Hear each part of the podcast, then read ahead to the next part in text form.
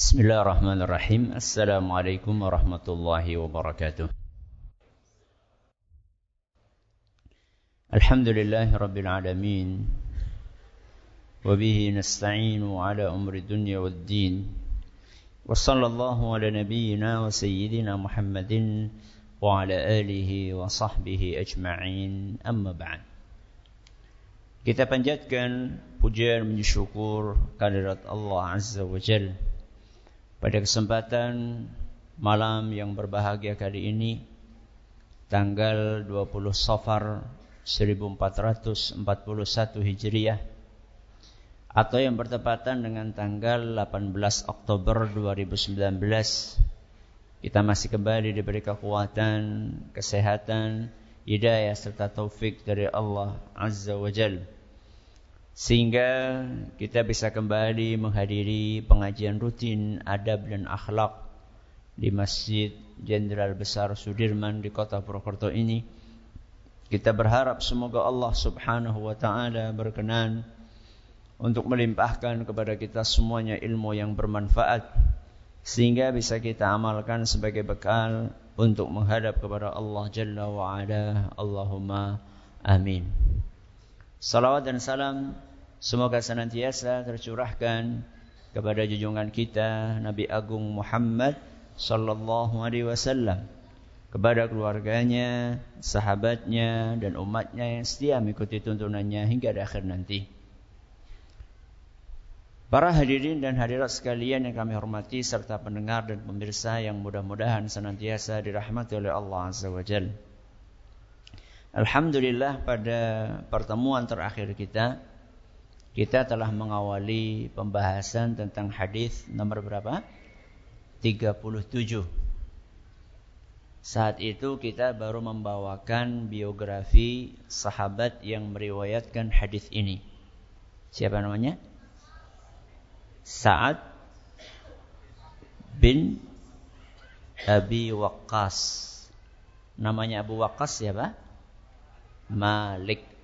Ya, Sa'ad bin Malik radhiyallahu anhu. Hari ini insya Allah kita akan mulai mengkaji kandungan redaksi hadis ini yang terdiri dari tiga poin. Malam hari ini kita akan hanya membahas poin yang pertama saja. Kita akan bacakan hadisnya. Wa an Sa'ad ibni Abi Waqqas radhiyallahu anhu qal dari sahabat Nabi sallallahu alaihi wasallam siapa tadi? Sa'ad bin Abi Waqqas. Semoga Allah meridai beliau. Beliau berkata, "Sami'tu Rasulullah sallallahu alaihi wasallam yaqul" Aku mendengar Rasulullah sallallahu alaihi wasallam bersabda, Innallaha yuhibbul abdat taqi. Sesungguhnya Allah mencintai hamba yang bertakwa. Ini poin yang pertama. Sesungguhnya Allah mencintai hamba yang bertakwa. Al-ghaniyya yang kaya hatinya. Ini yang keberapa? Kedua. Al-khafiyya yang tidak mencintai popularitas. Akhrajahu Muslim. Hadis riwayat Muslim. Rasulullah Shallallahu Alaihi Wasallam mengawali hadis ini dengan sabdanya Innallaha yuhibbu Sungguh Allah mencintai Hadis ini dengan tegas menjelaskan bahwa Allah punya sifat cinta. Kenapa? Allah punya sifat cinta, kasih sayang. Ya. Bahkan Rasulullah SAW mengawali dengan kata inna. Apa artinya inna? Sungguh. Berarti ini penegasan. Ya. Allah benar-benar cinta.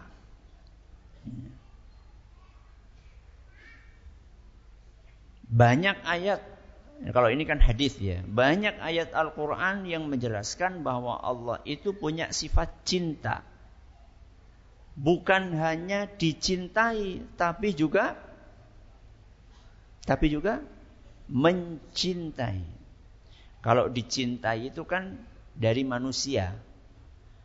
Kepada siapa? Allah. Kalau mencintai berarti Allah mencintai siapa? Manusia.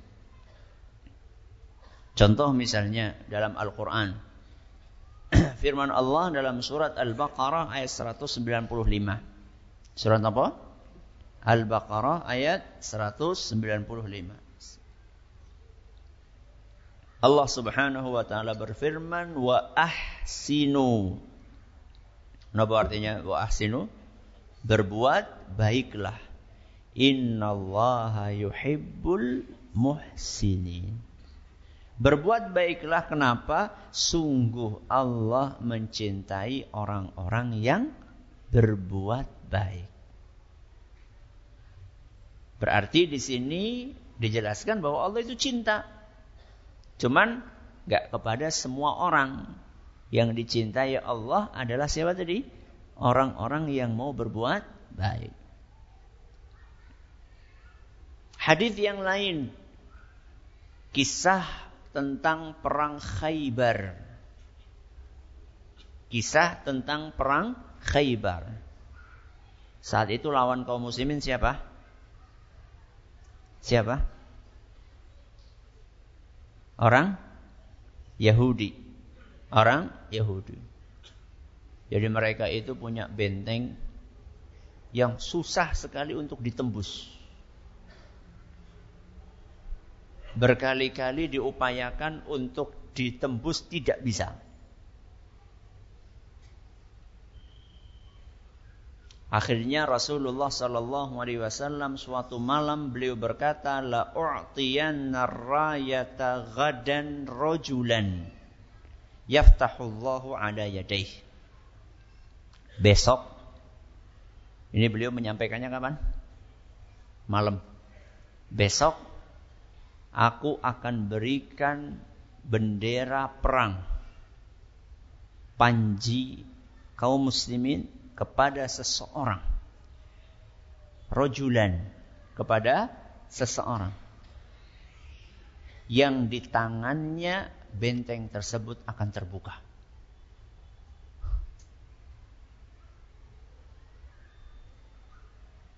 Pada penasaran atau tidak? Pada penasaran. Ya, siapa orangnya? Dan yang lebih penasaran lagi Nabi SAW katakan yuhibbullaha wa rasulahu wa yuhibbuhullahu wa rasuluh. Orang ini siapa orang itu? Yang akan dikasih mandat memegang bendera perang adalah seseorang yang cinta kepada Allah dan Rasulnya. Sekaligus Allah dan Rasulnya mencintai dia. Istimewa nama badan? Istimewa. Ada jaminan dari Rasul SAW bahwa orang yang akan dipilih besok adalah orang yang cinta dianya mencintai Allah dan Rasulnya. Yang lebih istimewa dari itu Allah dan Rasulnya mencintai dia. Maka begitu Rasulullah Sallallahu Alaihi Wasallam akan mengumumkan siapa orang tersebut, semuanya pada apa? Singkaling-kalingan gue ngeton-ngeton nih gue. Buk jari sapa nyong digoleti ora nah-nah. Kulluhum yarju an yu'taha. Semua yang hadir saat itu mereka berharap dialah yang mendapatkan bendera itu. Karena apa? Karena apa? Karena ada jaminan manusia ini dicintai Allah dan Rasulnya. Pasti masuk surga. Jadi bukan karena oh bangga nyekel apa? Bendera ngarep dewek paling keren, bukan.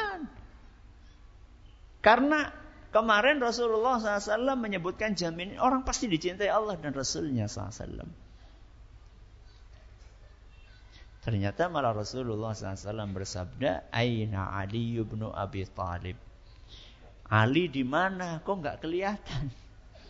Ya.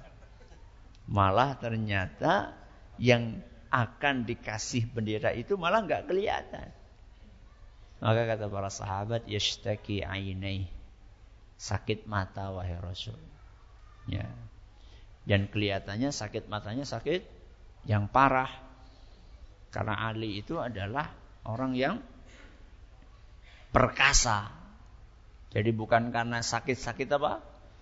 Remeh temeh itu nggak berangkat kumpul itu itu bukan tipe-tipenya siapa? Ali bin Abi Thalib. Kalau sampai nggak berangkat ini berarti parah. Maka kata para sahabat, yashtaki aini. Wahai Rasul, matanya sedang sakit. Maka kemudian dipanggil oleh Nabi SAW. Kemudian didoakan, sembuh seperti sedia kala ka'allam yakun bihi wajah seakan-akan tidak ada sakit sama sekali sembuh total langsung sembuh ya. itu rasul ya bukan ya fabasaqa fi Nabi SAW menghembuskan nafas diiringi dengan sedikit air dari mulutnya ke Eh, ke matanya Ali bin Abi Thalib dan langsung sembuh saat itu juga. Dan betul menaklukkan benteng Khaybar. Dan saya pernah nyampaikan anu, kisahnya Ali bin Abi Thalib. Biografinya Ali bin Abi Thalib. Jadi Ali bin Abi Thalib itu terkenal keperkasaannya. Benteng Khaybar itu pintunya diangkat delapan orang nggak kuat. Pintunya dan semana kendian. Diangkat delapan orang tuh nggak kuat. Sama Ali bin Abi Thalib pakai satu tangan. Buat tameng sama dia. Yuk pada Melayu ya ketemu kayak gini. Ali, Ali dilawan. Radhiyallahu taala. Yang perlu kita garis bawahi di sini adalah kata-kata apa? Yuhibbullaha wa rasulahu wa yuhibbuhullahu wa rasuluh. Manusia spesial ini mencintai Allah dan Rasulnya serta dicintai Allah dan Rasulnya. Berarti Allah itu punya sifat nopo? Cinta. Ada sebagian kalangan menolak Mereka nggak bisa menerima. Masa Allah cinta? Loh, emang kenapa? Yo, kalau misalnya kita katakan Allah cinta, nanti Allah mirip kayak manusia. Manusia punya sifat cinta atau tidak? Punya atau tidak? Punya. Loh, nanti kalau misalnya kita katakan Allah punya sifat cinta, nanti berarti kita telah menyerupakan Allah dengan siapa? Manusia. Pripun? Bisa diterima? Bisa diterima? Bisa?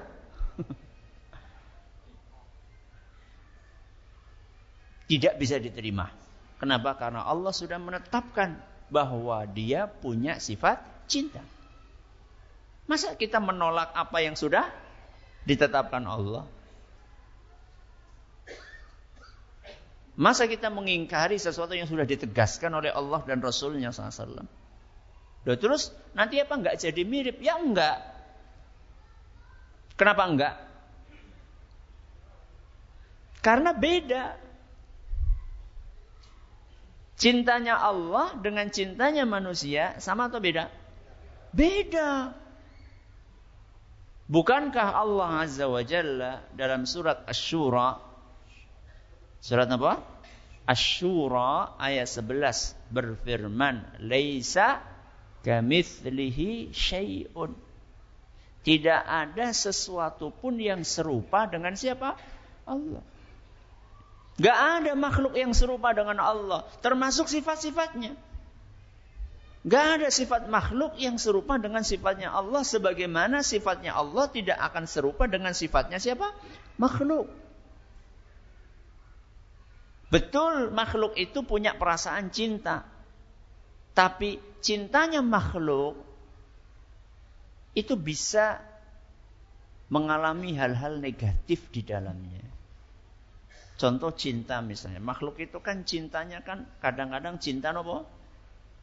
Cinta nopo? Cinta palsu. Cinta apa maning? Cinta monyet. Cinta apa maning? Cinta buta. Cinta palsu itu ya pura-pura apa? Cinta padahal enggak. Cinta monyet apa? Ya kerutulanan gitu. Etok mene gitu ya. Cinta mati apa? Eh cinta buta apa? Cinta buta ya pokoknya nggak peduli pokoknya sing penting ya. pokoknya ya. mati melu melu kae eh, mati urip melu kae gitu. Ini cinta buta. Itu kan manusia. Kalau Allah ya kan nggak mungkin seperti itu. Ya.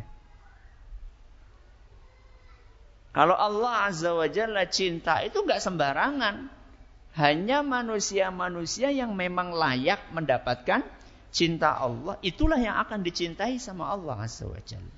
Oke. Okay. Berarti kaidahnya gini.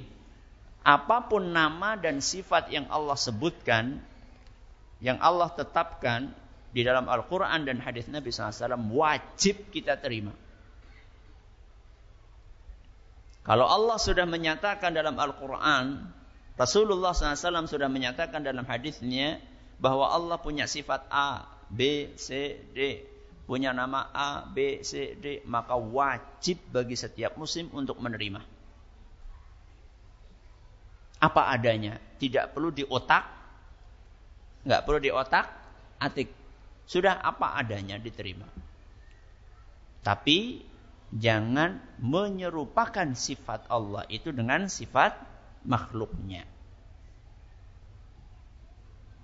Oke. Okay. Innallaha yuhibbul abdat taqi. Siapa yang dicintai oleh Allah? Karakter yang pertama yang disebutkan oleh Rasul Wasallam adalah at-taqi. At-taqi itu adalah orang yang bertakwa. Berarti karakter yang pertama nopo? Takwa.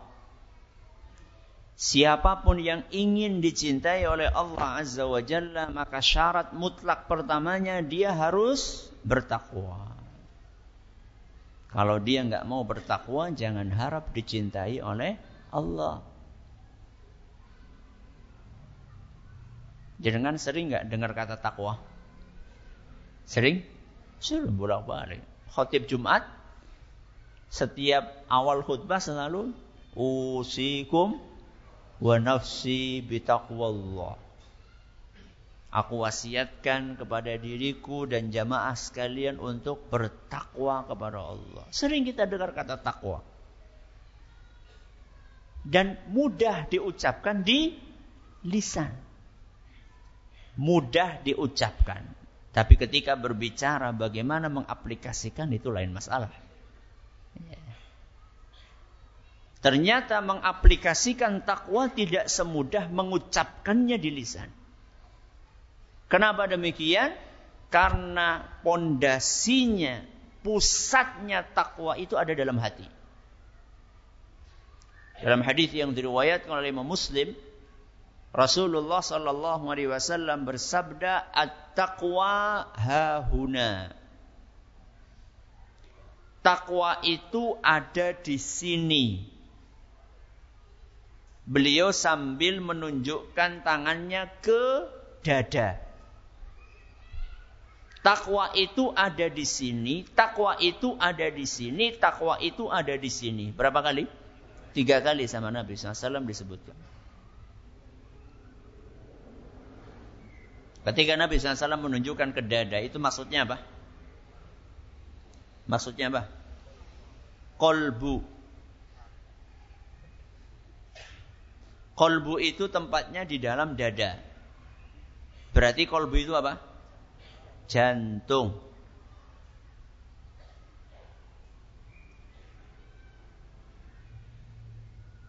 Mari kita perbaiki jantung kita. Lebih penak mari kita perbaiki hati kita. Mari kita bersihkan jantung kita. Nganggo apa? Mari kita bersihkan hati kita. Lebih apa? Familiar. Ya tidak apa-apa, itu istilah saja.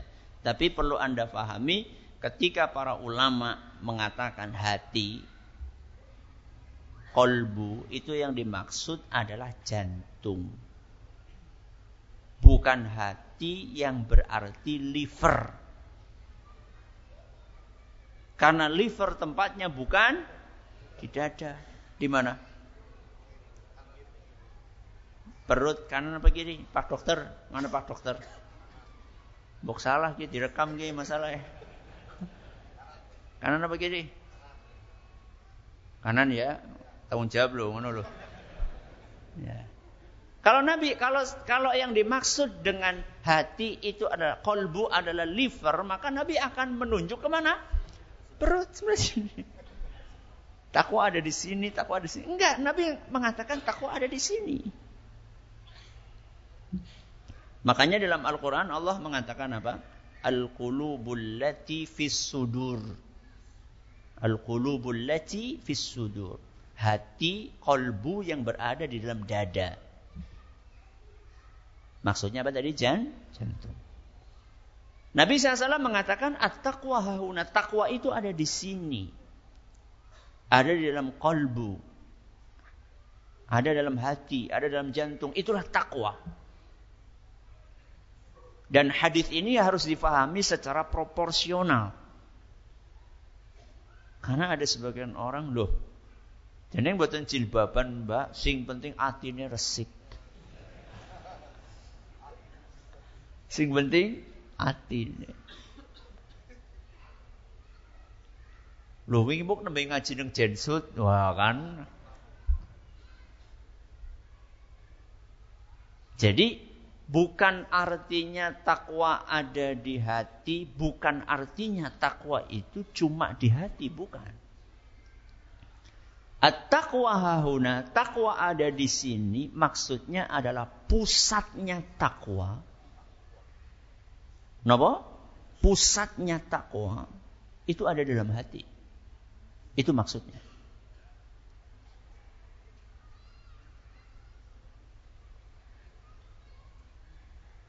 Dan seluruh aktivitas yang dilakukan oleh anggota tubuh, aktivitas lahiriah kita itu berpusat di mana? Di dalam kolbu. Di dalam hati. Makanya kalau hatinya itu bagus, aktivitas yang lainnya akan bagus. Kalau hatinya rusak, aktivitas yang lainnya juga akan rusak. Itulah vitalnya peran apa? Jantung atau hati di dalam diri manusia.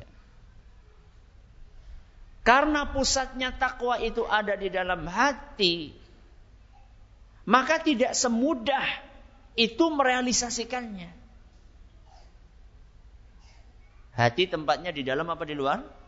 Di dalam. Saya tanya, memperbaiki dalam sama memperbaiki luar, gampang mana? Luar. Mengatur dalam sama mengatur luar gampang mana? Mengatur luar. Saya kasih contoh. Salat itu kan ada luar, ada apa? Dalam. Ada lahir, ada batin. Lahirnya apa? Allahu Akbar. Gerakan apa? Tangan, ucapan Allahu Akbar nanti ada ruku, ada iktidal, ada apa lagi? Sujud itu gerakan luar sholat. Kalau dalamnya sholat, apa contohnya? Khusyuk. Sekarang saya tanya, gampang mana? Gampang kayak gie apa khusyuk? Lebih gampang gerakan. Khusyuk itu setengah mati. Ya.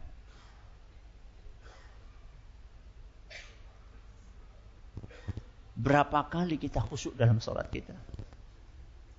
Selama puluhan tahun kita sholat. Ya. Makanya takwa itu tidak semudah yang dibayangkan karena perbaikan hati pusatnya. Ya.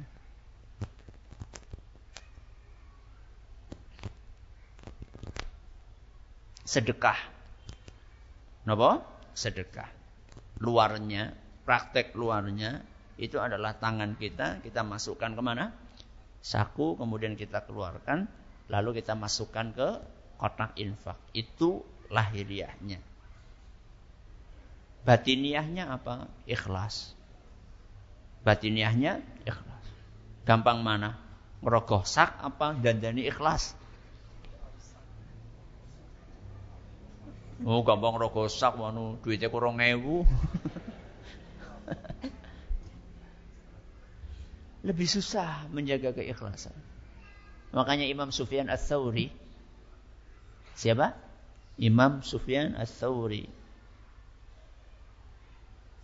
Beliau pernah berkata, "Ma'alajtu syai'an ashadda 'alayya minan niyyah." Hal yang paling sulit aku lakukan dalam hidupku adalah mengatur niat. Alias menjaga keikh, keikhlasan. Itu paling sulit dalam hidupku. Padahal Imam Sufyan Ats-Tsauri itu bukan maaf anak kemarin sore. Imam Sufyan Ats-Tsauri itu punya gelar Syekhul Islam. Napa? Syekhul Islam. Syekhul Islam itu adalah gelar yang disematkan kepada orang yang menguasai seluruh bidang studi agama. Tafsir oke, okay, hadis oke, okay, sejarah oke, okay, akidah oke, okay, kabean oke. Okay. Berbeda dengan misalnya mufassir. Mufassir itu ya pakar di bidang apa? Tafsir. Fakih, pakar di bidang fikih. Muhadis, pakar di bidang hadis. Belum tentu pakar hadis dia juga pakar fikih. Belum tentu pakar fikih dia juga pakar tafsir belum tentu. Tapi kalau ada orang sudah dapat gelar Syekhul Islam, itu artinya seluruh bidang studi agama dia kuasai mumpuni. Dan bukan hanya dikuasai tapi juga diamalkan. Itulah sosok Imam Sufyan Ats-Tsauri. Beliau mengatakan apa? Yang paling sulit dalam hidupku adalah mengawal keikhlasan. Mula nenek model-model kayak saya dan Anda nyong jenengan gue Wah gampang gue kelas ras, gue tandanya macam orang bener gue. Kita tuh apa sih? Ya. Ahli fikih bukan, ahli tafsir bukan, ahli hadis bukan, ahli apa? Ya. Ahli kuliner.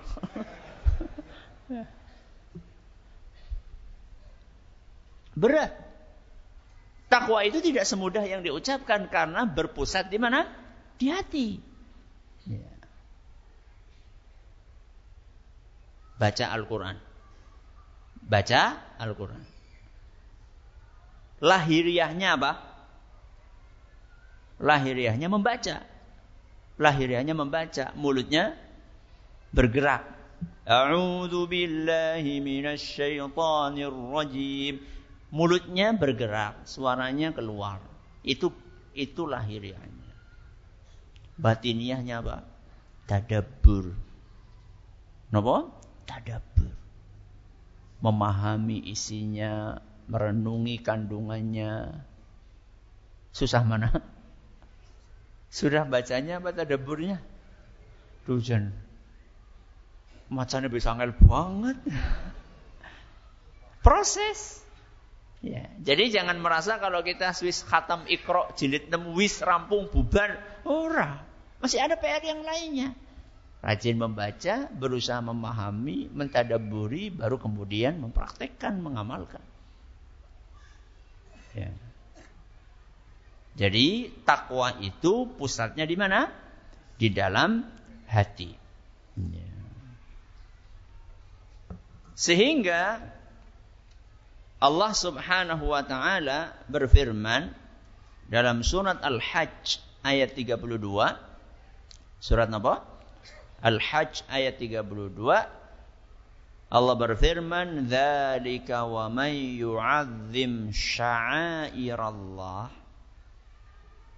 Siapa pun yang mengagungkan perintah-perintah dan larangan-larangan Allah fa innaha min taqwal qulub. Itu tandanya hatinya bertakwa. Surat apa mau? Al-Hajj ayat pinten? Ayat 32. Barang siapa yang mengagungkan perintah Allah dan larangannya, maka itu tandanya hatinya bertakwa. Di sini Allah Subhanahu wa taala menekankan masalah ketakwaan hati karena itu pusatnya. Belum tentu orang yang sholat lahiriahnya itu dia benar-benar bertakwa. Belum tentu. Belum tentu Ustaz. Iya belum tentu. Apa mana sih orang sholat? Ya. Yang sudah sholat saja belum tentu itu sumbernya dari ketakwaan dalam hati. Mau buktinya tak? Di zaman Nabi SAW ada orang-orang yang sholat bersama dengan Nabi SAW. Tapi mereka bukan orang yang bertakwa. Siapa? Kaum munafikin, orang-orang munafik. Mereka sholat nggak? Sholat. Tapi sholatnya bukan dari ketakwaan hati. Makanya apa kata Allah? Wa idha qamu ila salati qamu kusala. Kalau mereka sudah berangkat sholat, mereka sholat, maka mereka sholat dengan rasa berat, males, abot. Yo, siapa sih kayak gue? Yura'unan nasa. Sholatnya ria. Wala yadhkurunallaha illa qalila. Ketika sholat itu emut ingat Allahnya itu sebentar sekali. Sisanya melanglang buana ke sana kemari. Ini cocok banget Ki Ustaz. Hati-hati. Ya. Jadi takwa itu bukan sekedar menjalankan perintah, menjauhi larangan tapi menjalankan perintah dan menjauhi larangan karena pengagungan kita kepada Allah.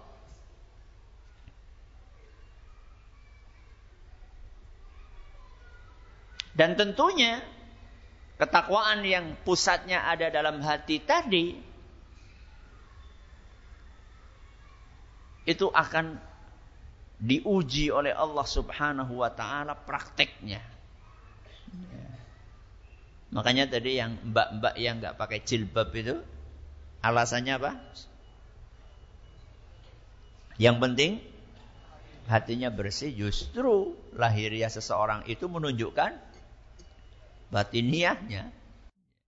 Kalau dia masih e, ngeles kanan kiri suruh pakai jilbab itu berarti memang hatinya berma bermasalah. Monggo. Alhamdulillahirabbil alamin wassalatu wassalamu ala nabiyyina Muhammadin wa ala alihi wa sahbihi ajma'in. Amma ba'd. Takwa itu ada aplikasinya. Ada prakteknya dalam kehidupan keseharian kita. Kita akan ambil satu ayat di dalam Al-Quran yang menyebutkan aplikasi tersebut yaitu dalam surat Al-Imran ayat 133 sampai 134. Surat apa? Ali Imran ayat 133 sampai 134. Allah Azza wa Jalla berfirman wasari'u ila maghfiratin min rabbikum. Bersegeralah untuk menjemput ampunan Allah bersegeralah untuk menjemput ampunan Allah. Wa jannatin samawati wal. Dan bersegeralah kalian untuk mengejar surga Allah yang luasnya melebihi langit dan bumi. Uiddat lil muttaqin. Surga itu disediakan untuk muttaqin. Apa artinya muttaqin? Orang-orang yang bertakwa. Ini ayat 133. Mari kita lihat ayat selanjutnya. Ketika Allah menutup ayat 133 dengan surga disediakan buat orang yang bertakwa. Lalu Allah menceritakan siapakah orang-orang bertakwa tersebut. Apa kata Allah? Alladzina yunfiquna fis sarra'i wadh-dharra. Orang yang bertakwa itu adalah orang yang mau berinfak ketika rezekinya sedang lancar ataupun ketika rezekinya sedang seret.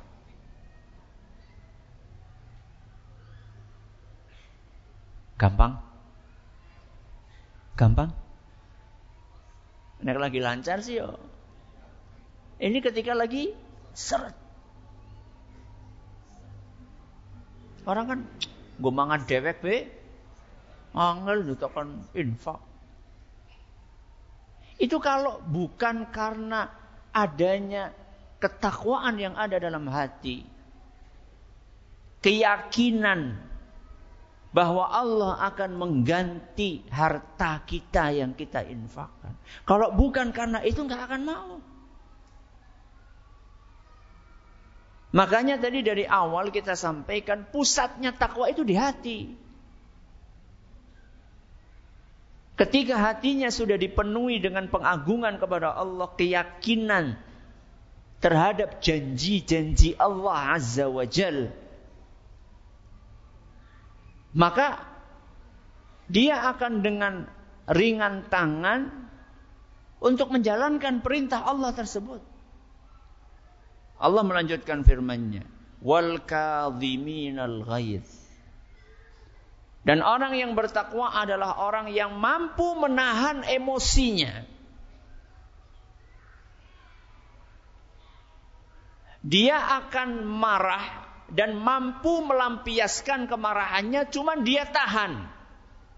Mampu melampiaskan. Kenapa? Karena marahnya guru kepada muridnya. Mampu? Mampu. Bapak kepada anaknya mampu, mampu. Suami kepada istrinya mampu. Bos kepada bawahannya mampu. Tapi dia tahan Itulah takwa. Ya. Wal anin nas. Dan orang yang mudah memaafkan orang lain.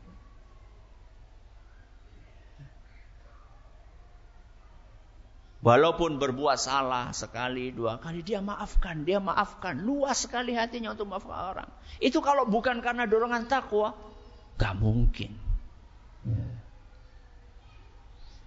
Wah, berarti takwa gue ya Masya Allah Ustaz. Iya pancen.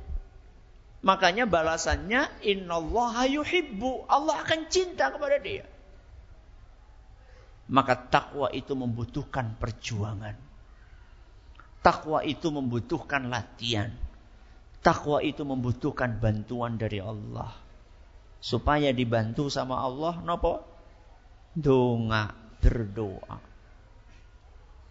Doanya bagaimana Ustaz? Dalam Sahih Muslim. Rasulullah SAW mengajarkan kita untuk berdoa Allahumma ati nafsi taqwaha. Sudah apa? Buk pendek banget. Ya, saya dulu nanti jenengan mengikuti. Minimal luar masjid ini sudah hafal. Saya dulu nanti jenengan mengikuti. Allahumma monggo. Ati nafsi taqwaha Sekali lagi, Allahumma monggo ati nafsi taqwaha.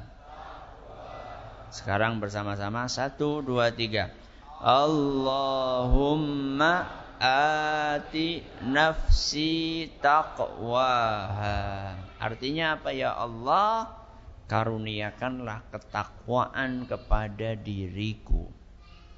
Ya, karuniakanlah ketakwaan kepada diriku. Ini hadisnya sebenarnya panjang.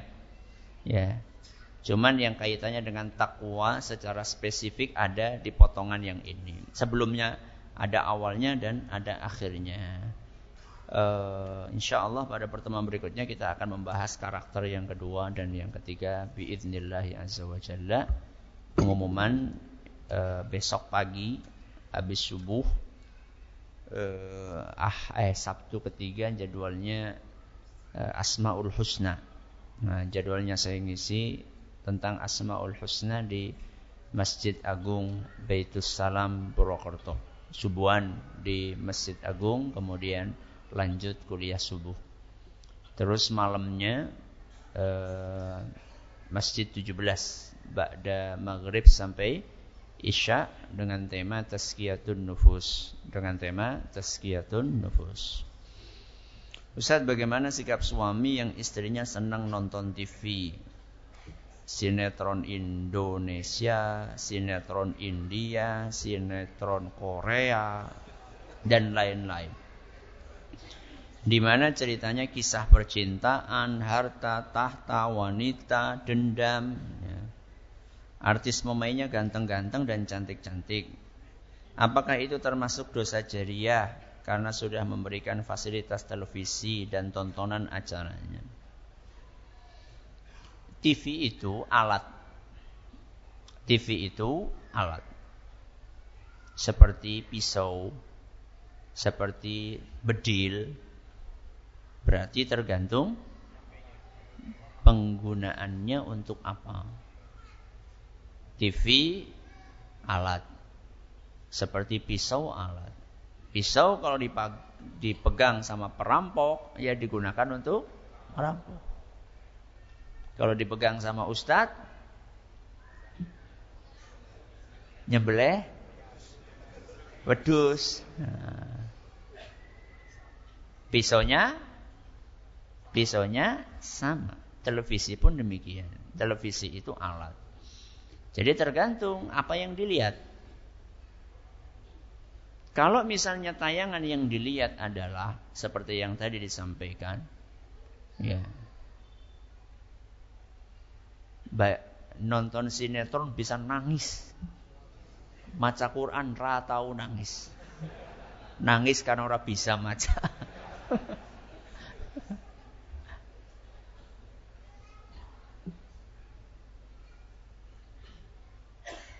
Kalau tayangannya seperti tadi, iya. Anda akan dapat dosanya. Karena Anda yang menyediakan. Anda akan dapat dosanya. Anak-anak nonton yang nggak genah juga Anda dapat dosanya karena Anda yang menyediakan.